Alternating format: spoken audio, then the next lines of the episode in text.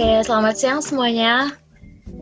Um, Oke, um, selamat datang di podcast Lini Literasi uh, BMPM Universitas Udayana. Jadi uh, podcast Lini Literasi ini merupakan podcast edukasi buat kalian yang suka dunia literasi. Jadi selama um, kurang lebih 45 menit ke depan, um, saya Dewi Mirah akan menemani kalian untuk membahas topik mengenai nilai-nilai dari buku Filosofi Teras karya Henry Manampiring. Nah tentunya kita udah bersama narasumber keren kita hari ini yaitu Kak Muhammad Irfan Hilmi dari Fakultas Hukum Universitas Brawijaya. Halo Kak Irfan, selamat siang. Halo Mbak Dayumira, selamat siang juga. Iya. Gimana kabarnya Kak? Ya begitulah. Kalau fisik sehat, kantong yang agak kering. Kalau selama pandemi ini uh, kesibukannya ngapain aja nih Kak? Ya nulis buku, uh, nulis buku, nulis jurnal dan apa mengisi materi ya seperti inilah mengisi materi. Oke keren keren. Uh, mungkin um, sebelum kita ngobrol lebih jauh, uh, kakak bisa memperkenalkan diri dulu supaya lebih kenal juga sosoknya seperti apa. Silakan kak. Nah, ini sebenarnya baru mulai udah pertanyaan yang sulit karena sulit untuk mendeskripsi diri. Oke. Saya uh, Muhammad Irfan Hilmi, mahasiswa Fakultas Hukum Universitas Brawijaya, masih semester masuk semester lima sekarang ini. Oh. Uh, keseharian ya suka nulis, nulis buku, nulis jurnal, penelitian, dan juga paling suka kalau berbicara gitu. Udah sih itu aja ya. Bingung okay, juga sih mau kalau gitu. nah, uh, ngomong-ngomong nih mengenai bulan Agustus yang bertema kemerdekaan nih kan, kita tentu saja nih okay. tahu bahwa kita sudah merdeka nih. Tapi apakah kita sebenarnya sudah merdeka dengan diri kita sendiri Nah, sekarang kita akan bahas stoicisme dari buku Filosofi Teras ini. Karena kan um, sebetulnya gambaran umum dari Filosofi Teras ini membahas tentang um, filosofi stoicism ya kan, Kak? Nah, okay. menurut Kakak sendiri sebetulnya stoicisme itu apa sih? Iya, saya tadi mau menanggapi bulan kemerdekaan karena begini, banyak orang yang hari ini menganggap kita belum merdeka nih gitu. Udah 74 tahun kita masih dalam keseok-seokan republik gitu. Kita masih dalam demokrasi yang buruk. Orang-orang tua menanggapi ini dengan uh, hal yang ringan. Sebenarnya kita ini sudah merdeka. Bahkan sebelum 17 Agustus pun kita sudah merdeka. Merdekanya itu di mana? Merdeka dalam menentukan pilihan untuk melawan dia. Jadi uh, para pejuang kemerdekaan dulu itu sebelum kita memproklamirkan kemerdekaan secara kenegaraan, kita sebenarnya sudah merdeka sekarang kita bisa memilih mau melawan atau diam. Tapi yeah. uh, saat itu mereka memutuskan untuk melawan derita yang besar, untuk kemudian melawan penjajah, untuk kemudian melawan segala macam halang rintangan. Sampai akhirnya Belanda, Jepang, Spanyol, Inggris itu kabur semua dari Indonesia kan begitu. Jadi kalau menanggapi kemerdekaan ini, orang-orang tua menganggap bahwa hari ini kita sudah merdeka. Bahkan dalam kondisi di mana kita tidak bisa mengendalikan diri, kita sudah merdeka. Karena pada dasarnya kita memiliki kebebasan untuk memilih atau tidak. Itu itu makna kemerdekaan yang mendalam dari orang-orang sekolah. Jadi kalau kita bicara kemerdekaan di bulan Agustus, bukan hanya mengangkat bendera, tapi kemerdekaan itu adalah bagaimana kemudian kita dapat menentukan pilihan dan berjuang bersama pilihan itu. Itu orang sekolah. Lalu eh, tadi nyambung ke pertanyaan kedua apa? Stoicisme ya. Iya. Uh, apa itu stoicisme? Stoicisme itu adalah orang-orang yang belajar di teras sebenarnya. Dibawa oleh Zeno yang dari Siprus. Saat itu Zeno ini adalah orang kaya, kaya raya sekali. Uh, saya cerita sedikit sejarahnya ya. Orang ya, sangat kaya raya, saudagar begitu ya. Akhirnya dia berdagang uh, ke satu pulau begitu. Tapi di tengah perjalanan kapalnya karam gitu. Akhirnya dia menepi di sebuah pulau dan harta kekayaannya hilang semua akhirnya Zeno eh, saat itu pasrah begitu. Ya sudah udah udah begini hidupnya gitu. Akhirnya eh, singkat cerita dia bertemu dengan Krates seorang filsuf juga.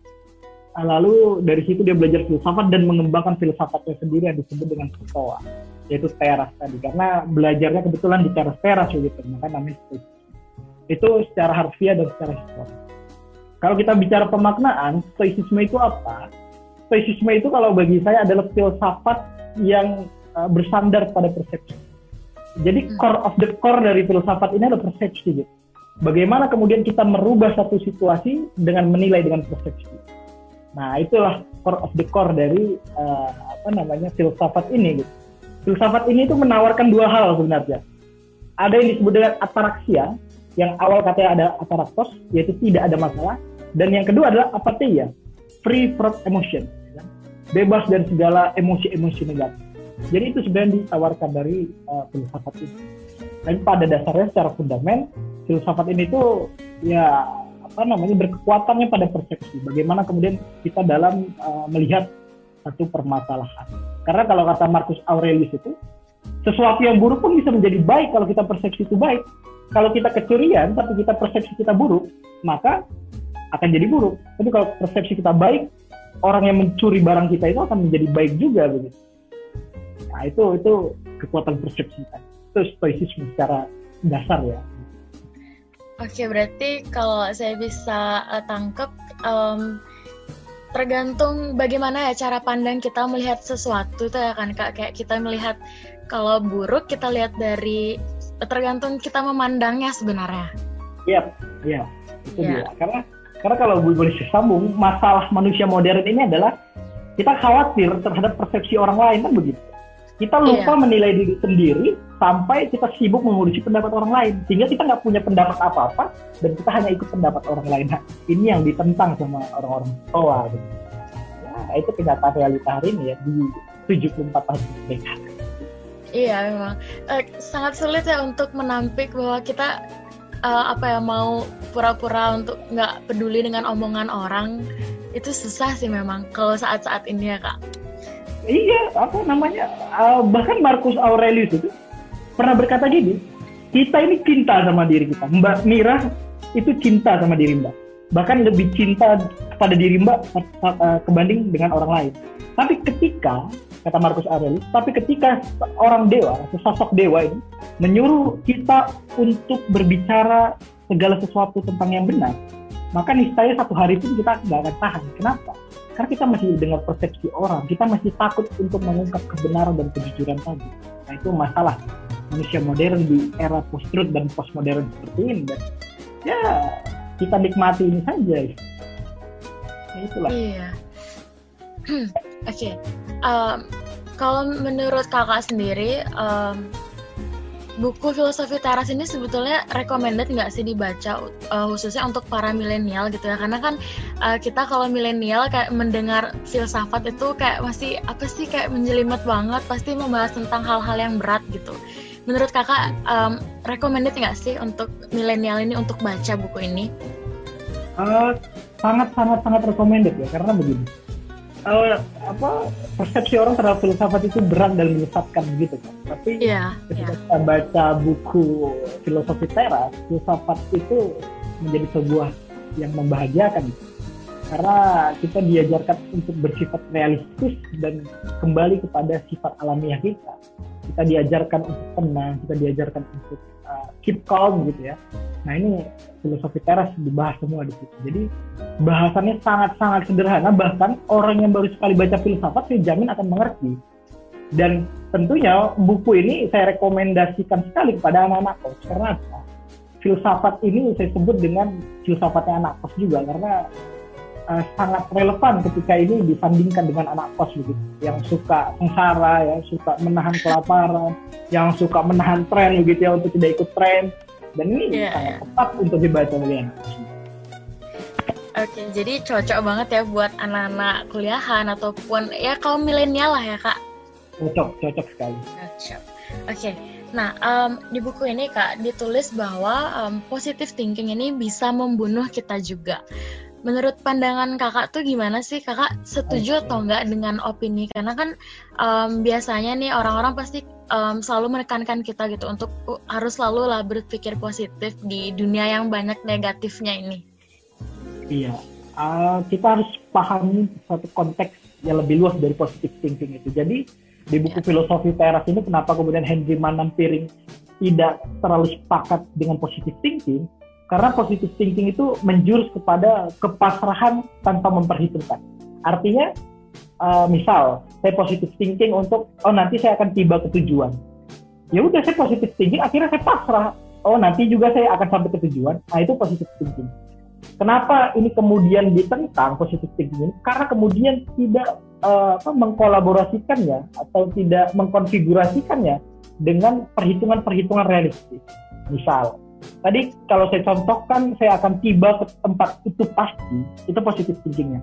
Tapi kalau saya seimbangkan dengan kemungkinan-kemungkinan lain, oh mungkin saya di jalan akan ada orang tabrakan, oh di jalan mungkin ada pohon tumbang gitu. Akhirnya apa? Akhirnya saya bisa mencegah, akhirnya saya bisa apa namanya mencari jalan lain begitu ya.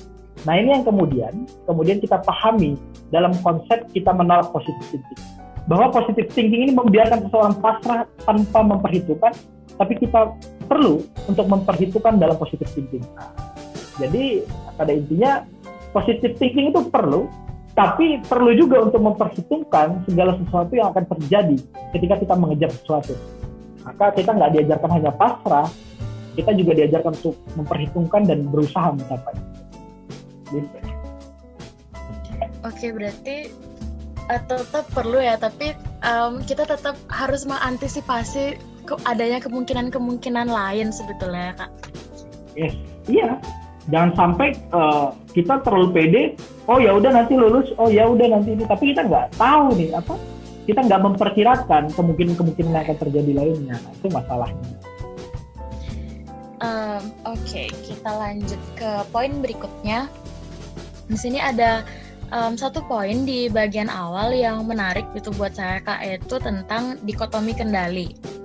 Menurut yeah. saya ini um, ajaran yang paling menarik dan bermanfaat gitu ya karena uh, bagaimana kita bersikap dengan cara hanya memperhatikan apa yang ada di dalam kendali kita gitu dan tidak yeah. Ya. uh, memikirkan apa yang di luar kendali kita. Sama kayak yang kakak bilang pada eh awal tadi. Jadi sebetulnya kak yang dimaksud dengan dikotomi kendali itu apa sih? Ya dikotomi kendali itu adalah konsep uh, di mana kita memisahkan dua hal. Dua hal yang pertama adalah sesuatu yang bisa kita kendalikan dan hal yang kedua adalah sesuatu yang tidak bisa kita kendalikan. Ini selaras dengan ucapannya Epictetus, something are up to us and something are not up to us. Sesuatu itu dapat kita kendalikan, tapi sesuatu yang lain itu tidak dapat kita kendalikan. Uh, jadi konsep dikotomi kendali ini kalau saya katakan ini adalah inti dari buku filosofi teras. Gitu karena ini merupakan pengajaran di mana ada waktunya kita pasrah, ada waktunya kita berusaha. Kapan kita berusaha? Untuk usaha-usaha yang bisa kita kendalikan. Apa contohnya? Misalnya untuk berusaha pada diri sendiri, untuk menginisiasi sesuatu. Nah, ini kan sifatnya bisa kita kendalikan sendiri tapi apa yang tidak bisa dikendalikan dalam dikotomi kendali ini adalah hasil. Hasil itu adalah salah satu yang tidak bisa dikendalikan. Apalagi opini orang lain, apalagi pendapat orang lain, apalagi kejadian-kejadian di luar tubuh kita. Itu tidak bisa dikendalikan. Maka kemudian dikotomi kendali ini mencoba memisahkan dua hal itu. Ada kendali, ada yang tidak bisa dikendalikan. Kalau bisa dikendalikan, inilah yang diusahakan. Yang tidak bisa dikendalikan, inilah yang kita pasrahkan. Karena begini, kata Epictetus itu, kalau kita terkejar-kejar terhadap satu hal yang tidak bisa dikendalikan, maka kita sesungguhnya telah terbudak di dalam hal tersebut. Misal, ya kan saya contohkan secara konkret, tren, tren globalisasi. Orang-orang hari ini berlomba-lomba untuk pakai HP uh, apa HP yang bergambar apel ya gitu. Uh, yeah. Mereka merasa bahagia dan lain-lainnya begitu. Tapi ini adalah sesuatu yang nggak bisa dikendalikan gitu. Jadi kita nggak bisa berharap sama dia, kita harus berharap pada diri sendiri. Sama aja kalau kita berharap sama tren, maka kita sudah menundukkan diri pada tren. Nah ini pentingnya dikotomi kendali tadi, bahwa ada hal yang harus kita pasrah dan ada hal yang harus kita usahakan. Gitu. Jangan semuanya kita usahakan, sampai usaha-usaha terhadap hal-hal yang irasional, hal-hal yang nggak bisa kita capai. Nah ini yang bahaya gitu. Jadi penting sekali kalau membaca buku ini, membaca bab tentang dikotomi kendali. Iya, ya saya setuju banget sih tentang itu. Um, nah selanjutnya nih kak, um, ada uh, bagaimana konsep yang tertera dalam buku ini yaitu kita tidak dapat mengendalikan apa yang menjadi persepsi kita di masa depan. Dalam buku ini kita diterangkan hanya berjalan untuk mengikuti arus gitu. Apakah dalam kehidupan modern ini konsep tersebut tuh masih bisa kita sebut re relevan atau sebetulnya sudah terkesan kuno kak untuk mengikuti arus aja gitu? Iya, saya kira ini sangat relevan karena ini berkaitan dengan kebahagiaan. Orang-orang itu mengikuti arus karena satu hal sebenarnya kebahagiaan.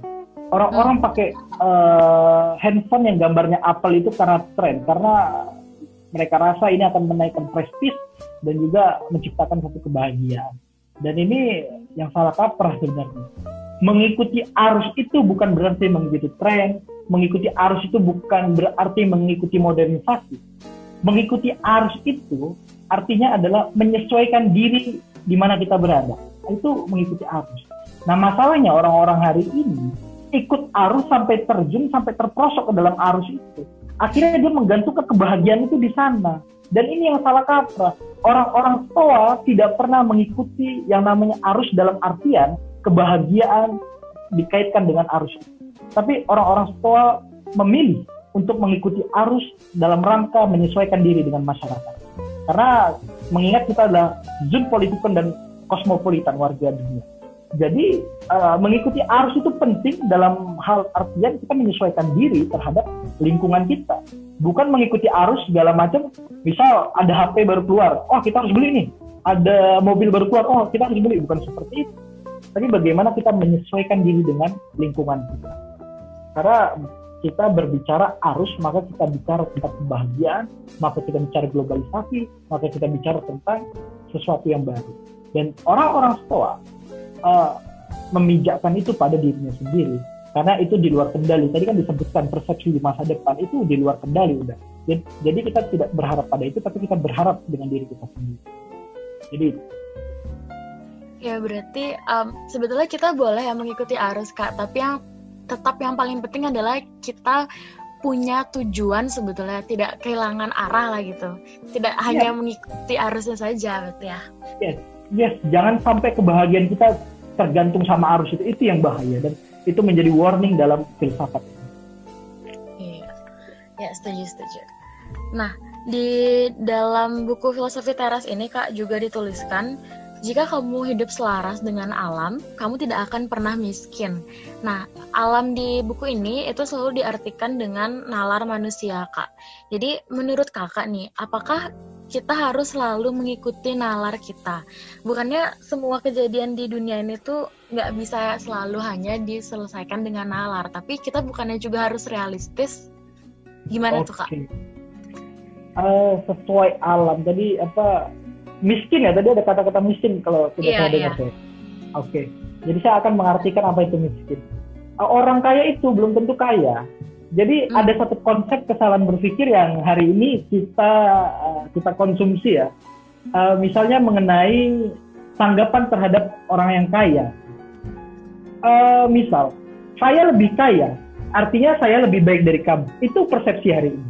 Bahwa misal uh, si A ini punya Lamborghini, artinya orang mengartikan bahwa dia lebih baik daripada orang yang tidak punya Lamborghini. Ini hal yang salah. Bahwa orang yang punya Lamborghini itu artinya adalah orang yang lebih punya banyak aset daripada orang yang tidak punya Lamborghini.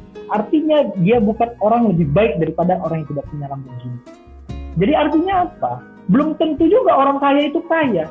Belum tentu juga orang yang tidak punya harta itu miskin. Bahkan uh, kata Epictetus itu jangan-jangan orang miskin itu lebih kaya daripada orang kaya. Karena apa? Karena beban orang miskin itu lebih sedikit daripada orang kaya. Semakin orang kaya, semakin banyak pikirannya, semakin banyak tanggungannya, maka masalah dia akan semakin banyak. Berbeda sama orang miskin yang mungkin hanya memikirkan tentang dia harus makan, memikirkan dia harus bertahan hidup. Nah, ini jangan-jangan begitu nih konsepnya itu, konsep miskin tadi. Jangan-jangan orang miskin itu lebih kaya daripada yang kaya. Hmm. Karena Oh, masalahnya orang miskin ini nggak lebih banyak daripada orang kaya gitu. Itu siapa? Tadi pertanyaan apa jadi lupa saya kira-kira. Iya. um, oh nalar ya, nalar ya, nalar ya, nalar. Iya, iya, nalar. Ya. Nalar. Uh, begini, kita harus tahu filsafat stoa ini memisahkan terhadap satu hal yang mistis. Jadi segala sesuatu di dunia ini sebenarnya masih bisa dicakup dengan nalar. Cuman kalau kita bicara udah ilahiyah, kita bicara tentang ketuhanan, maka itu sudah di luar nalar. Tapi filsafat Stoa itu nggak bicara masalah Tuhan. takdir dalam filsafat stoa itu beda dengan takdir yang dalam agama. Takdir dalam filsafat stoa itu memisahkan antara nilai ketuhanan dan nilai realistis. Bahkan stoa ini mencoba melakukan pendekatan-pendekatan yang realistis malah menggunakan nalar tuh. Karena nalar itu adalah salah satu cara untuk menggunakan akal. Kita berpikir logis ya pakai nalar begitu. Kita tahu jangkauan pikiran kita sampai mana itu nalar. Yang artinya nalar itu dalam filsafat stoa bisa digunakan kapan pun tapi tidak untuk hal-hal yang tidak bisa kita capai. Ya contohnya tadi tentang di luar kendali kita, tentang persepsi orang lain, tentang kematian, tentang kelahiran, nah, itu nggak bisa dicapai dengan nalar. Tapi kalau untuk dalam konteks berpikir realistis, nalar dalam filsafat sekolah sangat-sangat relevan untuk digunakan. Karena memang ini menjadi cara untuk berpikirnya orang-orang stoa dengan menggunakan kekuatan sesuai alam tadi, yaitu akal, rasio dan alam. Ya berarti sebetulnya uh, filsafat Stoa ini cakupannya sangat luas ya kak? Iya sangat sangat sangat luas sangat luas sekali. Ya. Tapi apa namanya beda bedanya filsafat Stoa sama filsafat yang lain seperti filsafat materialis misal.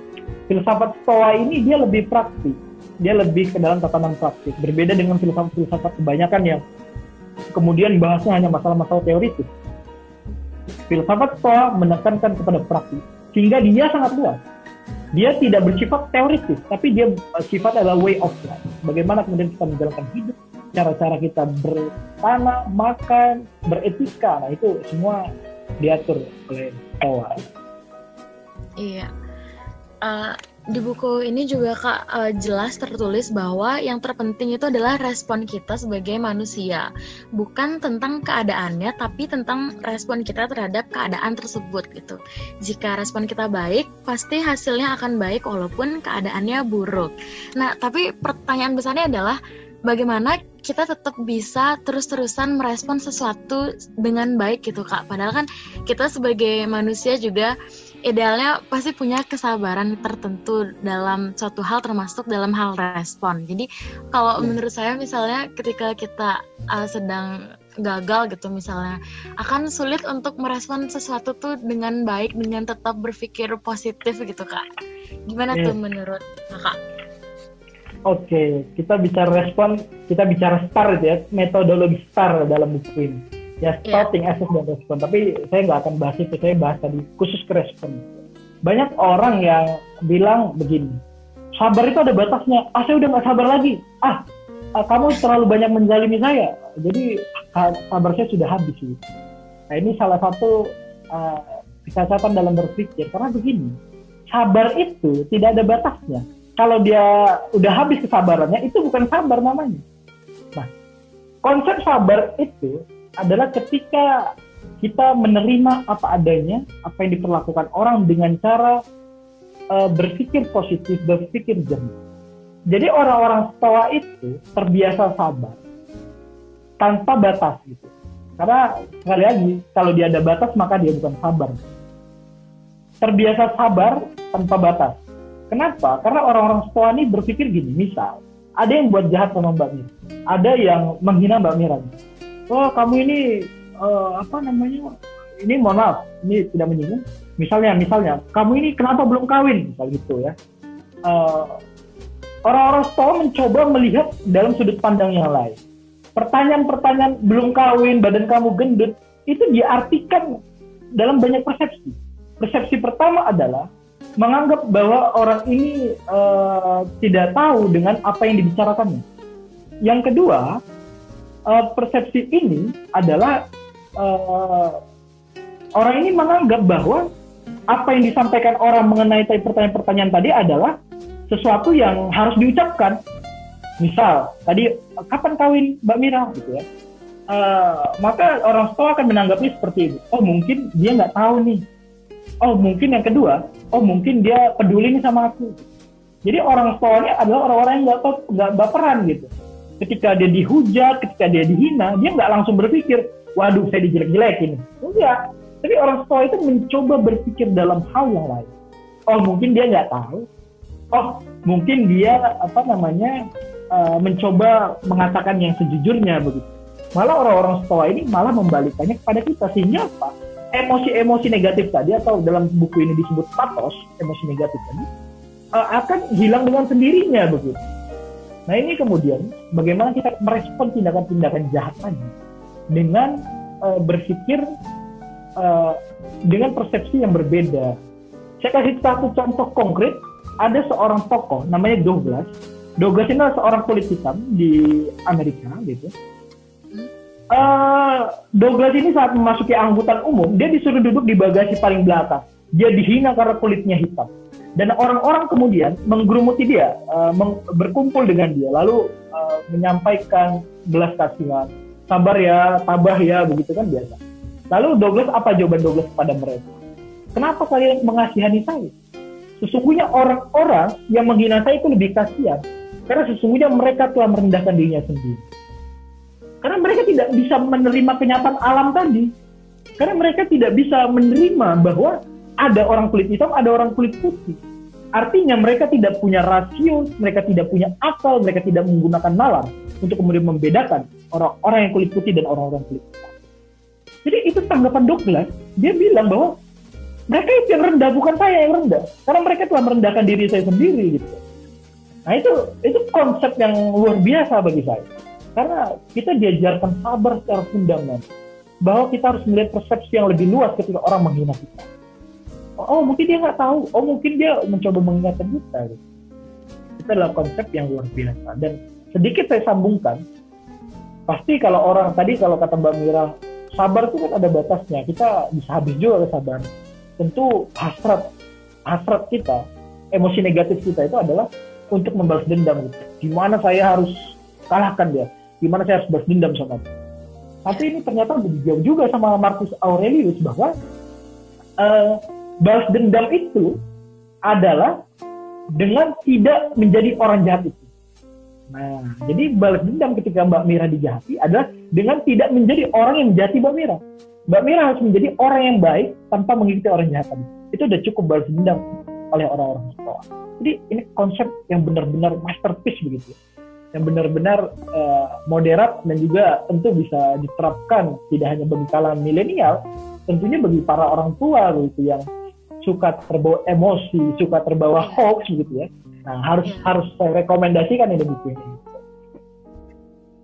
Iya, kalau seperti contohnya kakak tadi, iya sih ketika kita dijahatin dengan oleh orang, kemudian kita membalas dengan perilaku yang sama, merespon dengan cara yang sama, sebetulnya kita dengan mereka kan jadi tidak ada bedanya, gitu. Yes.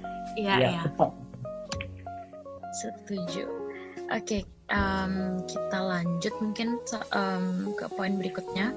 Uh, menyinggung yang sempat kakak um, sebut tadi tentang prinsip STAR. Ini yeah. um, sebetulnya bukan dari Epictetus uh. sendiri yang menemukannya, namun yang menemukan justru orang yang mempelajari stoicisme ini.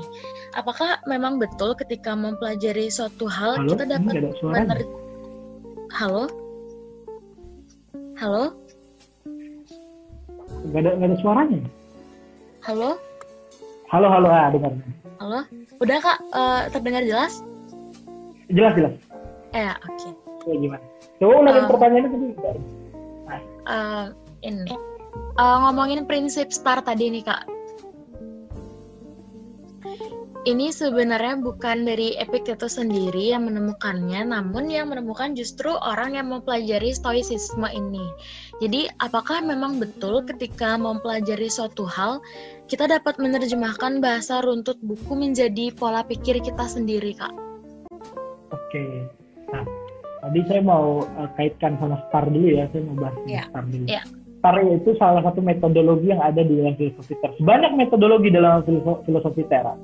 Tapi hmm. sebenarnya yang paling saya suka itu adalah yang kalau teman-teman baca itu adalah premeditatio malorum atau pre premeditated evil ya kan? Uh, berpikir negatif terlebih dahulu. Nah, itu sebenarnya lebih saya suka daripada konsep star metode kita tapi oke okay, saya jelaskan satu uh, star itu singkatan dari stop think assess dan respond yeah. stop itu adalah bagaimana kemudian kita berhenti mengeluh.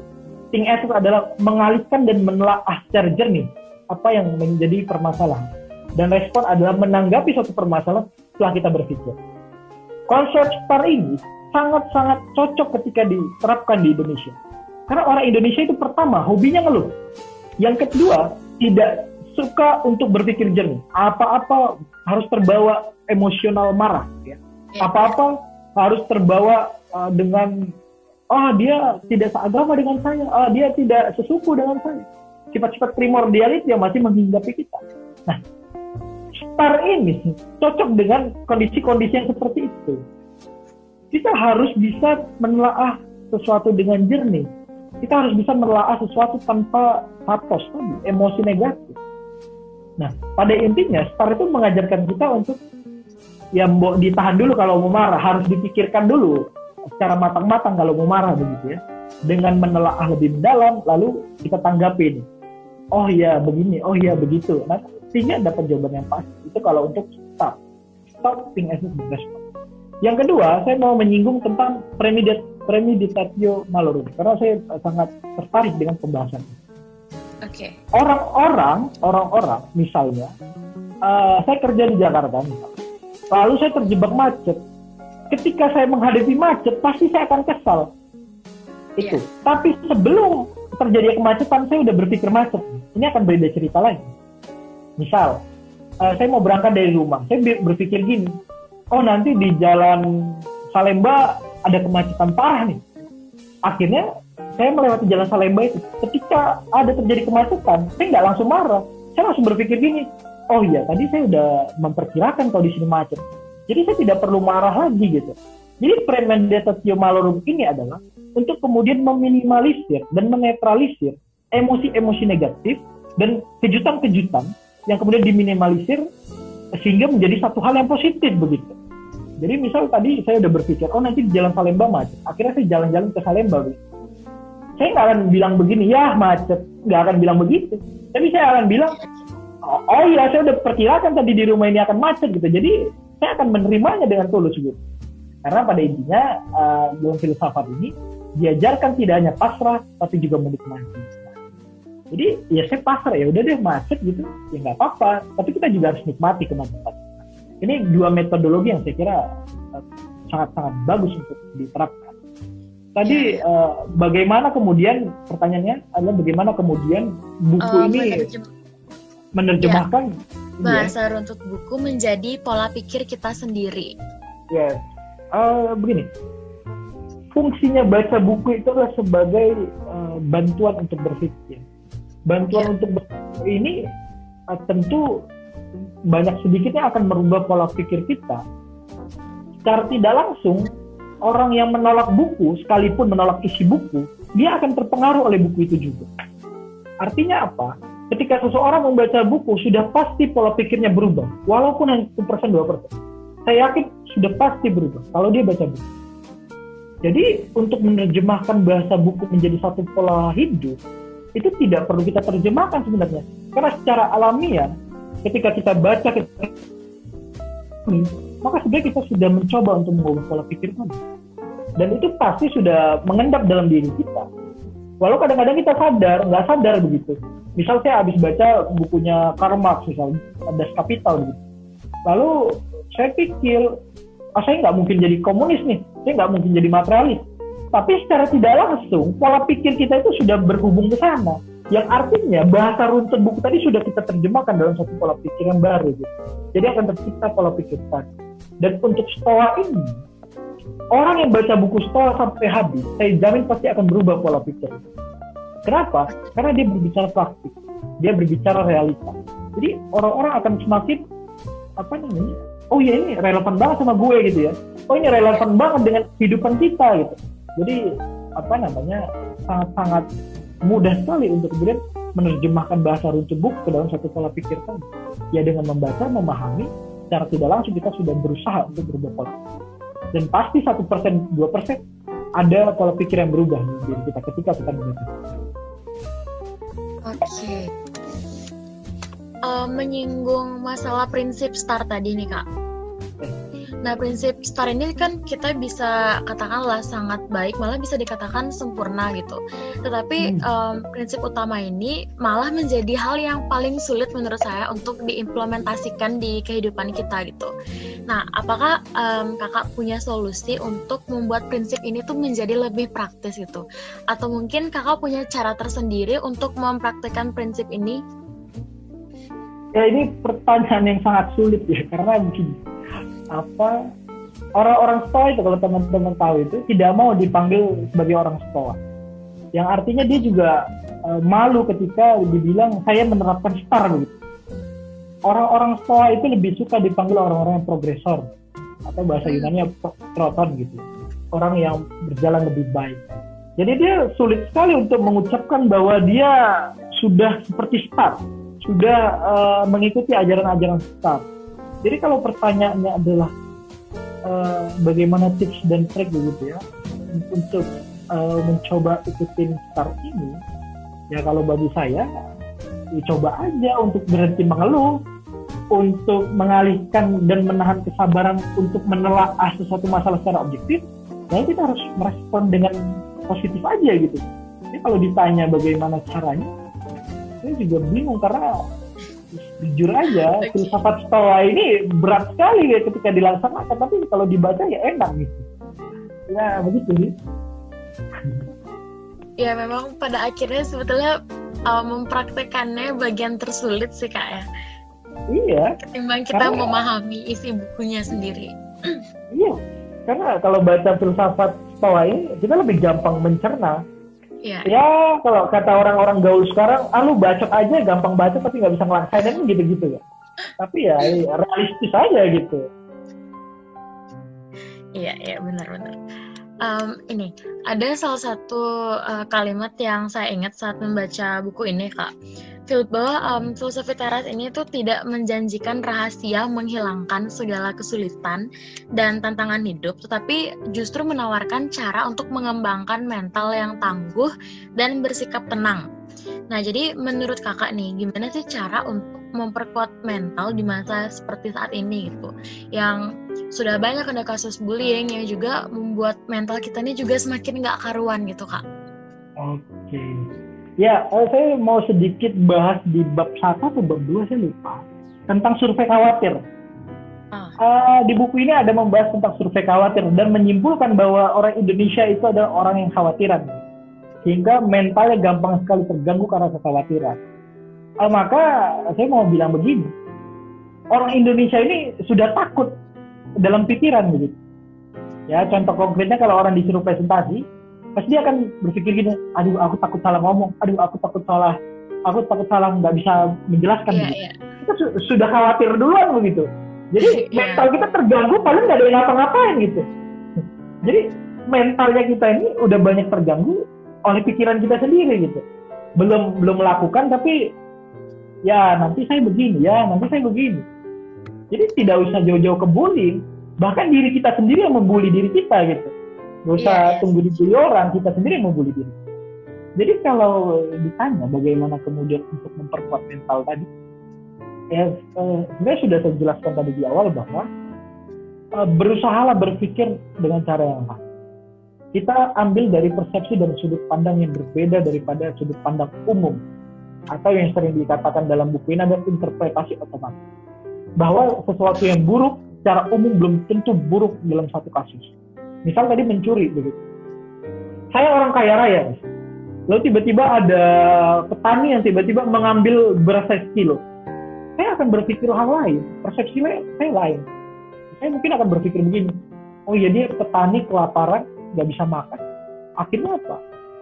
Otak saya akan memproduksi energi-energi positif untuk kemudian menanggapi hal itu sama dengan bully kalau orang membuli kita, maka satu hal yang harus kita lakukan pertama adalah dengan membalikkan persepsi, dengan mengubah persepsi bahwa orang yang membuli kita itu sebenarnya nggak tahu kita ini siapa. Gitu. Orang yang membuli kita ini nggak tahu bahwa kita ini lebih hebat dari dia.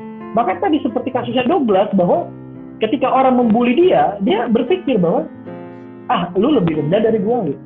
Ah gue lebih tinggi dari lu karena gue lebih bisa nahan kesabaran bla bla bla begitu. Nah ini kemudian uh, cara-cara untuk bertahan dalam kondisi bullying Pak. dengan melihat dari persepsi lain dengan melihat dari uh, apa sudut-sudut pandang lain jadi uh, bullying itu tidak selamanya negatif kalau kita persepsikan positif bullying itu bisa menjadi hal yang membahagiakan ketika kita persepsikan itu eh, ya udah deh itu biarin jadi kebahagiaan orang. Aku juga senang kok melihat orang bahagia gitu. jadi bullying itu bisa menjadi hal yang membahagiakan ketika persepsinya sudah berbeda. Jangan tiba-tiba dibully lalu interpretasinya otomatis aduh gue dibully nih. Waduh mereka jahat sama aku gitu. Jangan yeah. seperti itu gitu. Maka kita harus cari persepsi yang lain. Oh iya saya ini ya saya mau menjelaskan begini. Kita udah hampir setengah jam bahas ini tapi uh, filsafat stoa ini cuma ngajarin sabar dan tabah begitu ya udahlah kalau iya. ada orang bully sabar aja gitu ada orang mencela mencaci ya udah sabar aja tabah aja nggak usah, usah dibikin salah malah filsuf-filsuf stoa dulu itu uh, pernah melawan satu kekaisaran Roma waktu dipimpin oleh Kaisar Nero yang semena-mena uh, orang-orang stoa ini melakukan pergerakan dengan mengkritik uh, dengan uh, apa, melakukan pergerakan-pergerakan nyata jadi tidak hanya sebagai orang yang nongkrong-nongkrong untuk menerima nasib, tapi juga sebagai orang yang membawa perubahan. Jadi sabar dan tabahnya tadi itu bukan hanya uh, tidak melakukan apa-apa, tapi bagaimana kemudian menerima dan kemudian menikmati. Menikmati ini dalam arti mengolah, mengembangkan. Jadi tidak diartikan bahwa filsafat ini adalah filsafat yang tabah, yang sudah ya udah deh udah begini jadinya bukan gitu. Tapi bagaimana kita menerima, menikmati dan juga mengembangkan sesuatu. Oke, okay. Berarti sebetulnya kalau dari penjelasan kakak, kalau saya bisa tangkap bahwa um, apa ya melihat sesuatu dari sudut pandang lain itu apa ya memiliki pengaruh yang sebesar itu ya kak ter, uh, terhadap cara kita merespon sesuatu gitu. Iya. Iya. Iya, iya ternyata Dan sudut pandang bisa jadi sangat powerful. Iya, karena kunci kebahagiaan itu sudut pandang sebenarnya uh, kalau tahu adiknya Pramudia Anantatur itu yang sempat viral yeah. beberapa waktu lalu itu S3 dokter di Rusia tapi jadi pengemis itu menunjukkan apa menunjukkan satu konsep berpikir yang luar biasa sangat luas bahwa kebahagiaanku itu belum tentu sama dengan orang lain gitu. karena persepsiku berbeda dengan persepsi orang lain jadi ya sangat-sangat powerful dan ini menjadi tameng hidup begitu. Tidak semua orang yang memakai gam, HP bergambar apel itu bahagia dan tidak semua pula orang yang memakai HP bergambar blueberry itu bersedih. Ya begitu kan. Jadi ya iya. persepsi ini memiliki kekuatan kekuatan yang sangat penting. Uh, Oke, okay. kita lanjut ke bab berikutnya nih um, ada terdapat poin dalam bab menerima penderitaan nih kak. Mengapa ya. kita yeah. sulit menerima kekalahan gitu? Apakah memang sudah kodrat kita nih sebagai manusia untuk mengharapkan hal berjalan dengan mulus gitu? Dan yang terbenak di pikiran saya tuh uh, sepertinya manusia tuh seakan-akan tidak mau kalah dengan ego kita sendiri gitu kak. Iya. Uh, ya. Kalau kita di SMP SD saat SD SMP atau SMA kita kenal zin politik. Kita kenal makhluk sosial. Tapi Mbak Mira perlu diketahui bahwa kita luput terhadap satu hal. Satu hal itu apa? Kita tidak hanya sebagai zin politik. Kalau kata Plautus kita ini juga sebagai homo homini lupus selaras juga dengan kata Thomas Hobbes homo apa itu homo homini lupus kita ini sebagai serigala bagi manusia lainnya kita ini iya sama orang lain karena apa kita punya patos tadi kita punya emosi negatif kita punya nafsu tadi bahwa ah, aku harus lebih bagus nih dari orang lain oh masa dia lebih bagus sih dari aku gitu nah ini yang kemudian apa menjadi masalah bahwa kita seolah-olah berlomba-lomba untuk menjadi lebih baik untuk mencapai satu kebahagiaan. Nah ini salah. Kenapa? Karena kita menggantungkan kepada satu hal yang di luar kendali kita. Kita menggantungkan pada orang lain itu salah maka kata Epictetus kita akan terjebak dalam jurang kekecewaan. Itu itu salah besar ketika kita bilang aku harus lebih baik dari si A, aku harus baik lebih baik daripada si B. Tapi berpikirlah begini, aku sudah jauh lebih baik daripada ini. Aku sudah jauh lebih baik dan lebih dewasa daripada aku yang sebelumnya. Bukan membanding-bandingkan dengan orang lain karena ini di luar kendali kita begitu. Kalau ini ditanya adalah sifat alamiah, kalau kita hubungkan dengan filsafat stoa, filsafat stoa itu mengenal sifat alamiah itu akal, rasio, dan nalar. Tentu ini tidak alamiah. Tapi kalau kita bicara secara realistis dan menggunakan komparasi teori-teori lain, maka hasrat eh, nafsu itu adalah sesuatu yang alamiah begitu. Dan kalau kita bicara filsafat stoa, dia membedakan dua hal tentang emosi. Yaitu apa? Patos dan hasrat. Patos itu adalah emosi negatif yang datang karena lingkungan. Dan yang kedua adalah hasrat. Hasrat itu sifatnya lebih alamiah dalam filsafat. Jadi ya itu bisa juga dikatakan sebagai hasrat tadi. Itu sih untuk apa namanya untuk ya okay. itu sifat alamiah kita juga gitu kalau kita lihat dari sudut pandang lebih luas. Iya, setuju kak. Um, Oke, okay. ada um, sebuah pertanyaan penting nih menurut um, saya gitu. Apakah mindset yang telah dibangun sedemikian rupa ini dapat berubah ketika kita mempelajari um, st uh, filsafat stoa ini kak? Karena kan uh, setelah kita ngobrol panjang lebar tadi, uh, kita selalu diberikan jawaban bahwa hidup kita ini harus laras dengan alam, yaitu kita harus menerima segala konsekuensi yang kita jalani gitu. Namun dalam perjalanannya kita sering kali sulit menerimanya. Jadi apakah memang mempelajari filsafat ini sebetulnya ranahnya adalah menemukan diri atau kita mencari eksistensi kita di dunia ini, Kak? Oke, okay ada dua kata yang menarik itu sih dua kalimat yang menarik. Yang pertama adalah apakah filsafat ini adalah cara untuk menemukan diri? Dan yang kedua adalah cara untuk menemukan eksistensi yeah. ini uh, adalah dua kalimat yang bertentangan satu sama lain. Ini dikotomi ini dua-duanya. Satu dia sifatnya positif menemukan diri dan satu sebenarnya negatif menemukan eksistensi.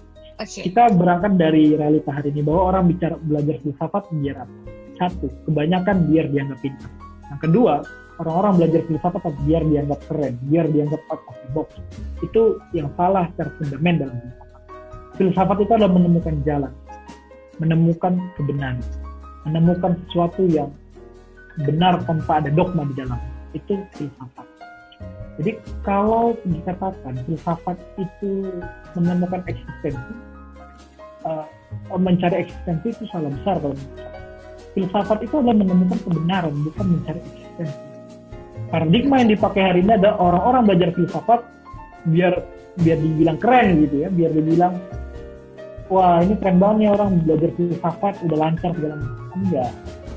Filsafat itu secara fundament adalah sifatnya individu sifatnya privacy itu filsafat. Karena cukup you yang tahu bagaimana kebenaran versi dirimu begitu orang-orang tidak perlu kamu memaksakan untuk mengikuti aliran filsafatnya.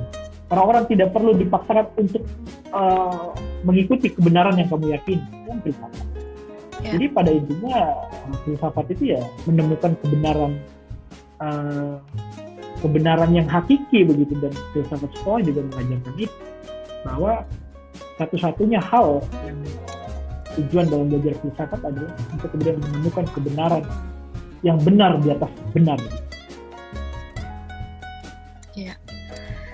Oke, nah mungkin ini bisa jadi pertanyaan terakhir nih.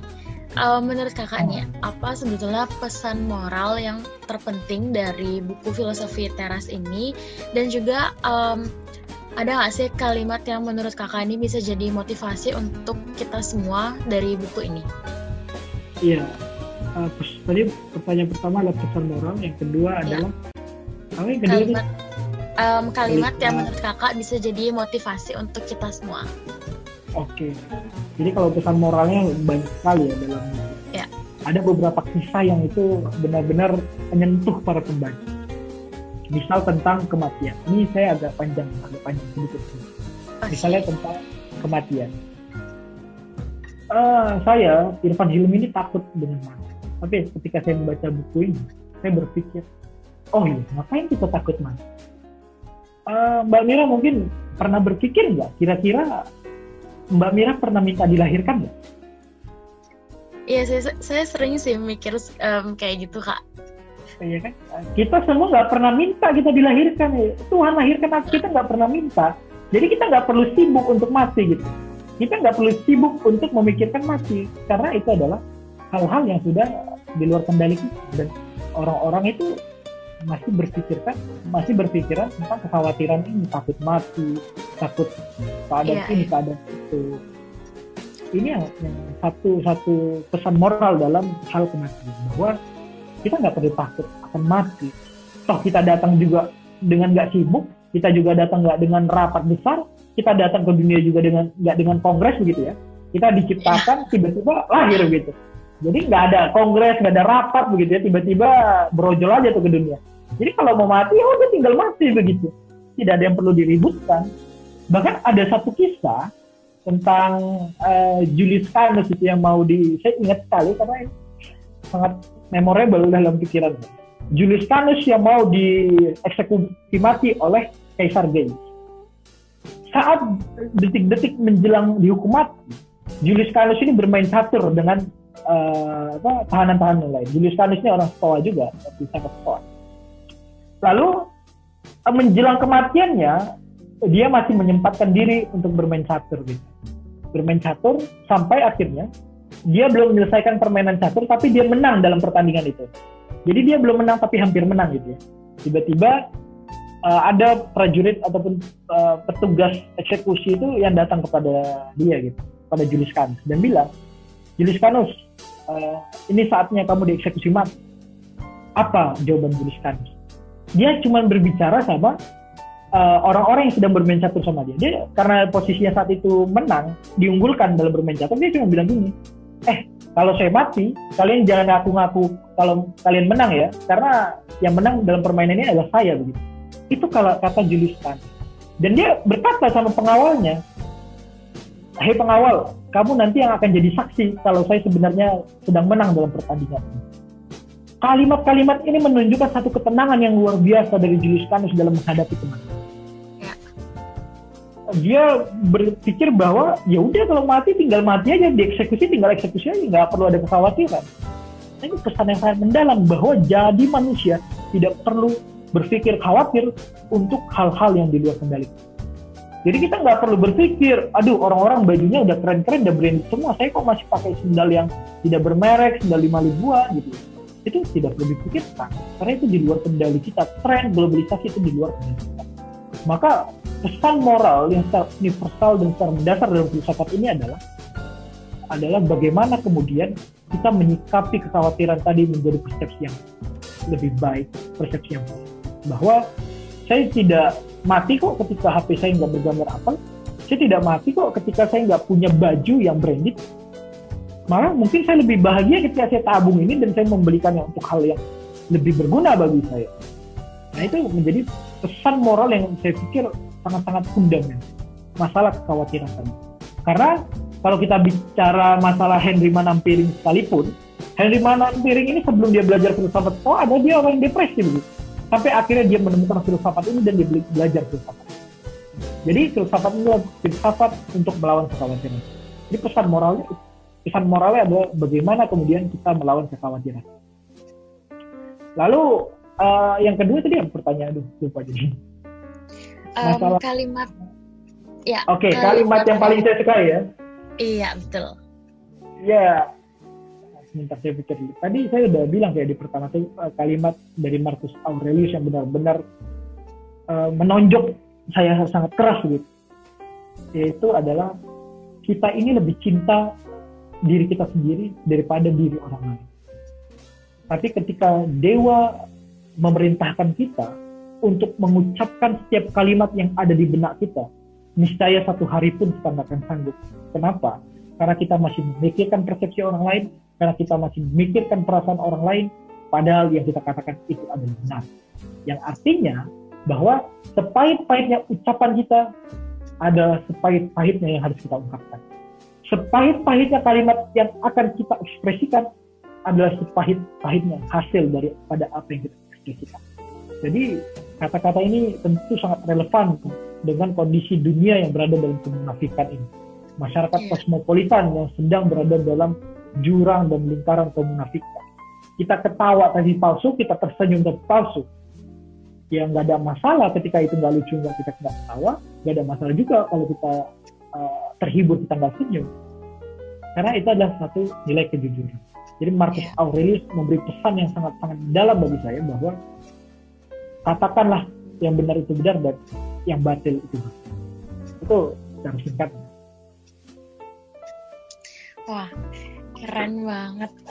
Oke, nggak terasa loh ternyata kita sudah hampir ngobrol hampir 45 menit lebih berdiskusi tentang stoicisme dalam buku Filosofi Teras dan nilai-nilai yang diajarkan dalam buku ini juga sangat simpel dan bisa membuat kita merefleksikan diri kita sendiri apakah pikiran kita yang mengendalikan hidup kita atau justru keadaan yang mengendalikan hidup kita. Nah, ya, mungkin itu, bagus uh, tuh kata-kata Iya, terakhir nih Kak, apa ada pesan-pesan untuk pendengar kita gitu sekaligus untuk uh, teman-teman yang mungkin masih sering dikendalikan oleh situasi dan sangat sering terpengaruh okay. oleh hal-hal di luar kendali. Yes.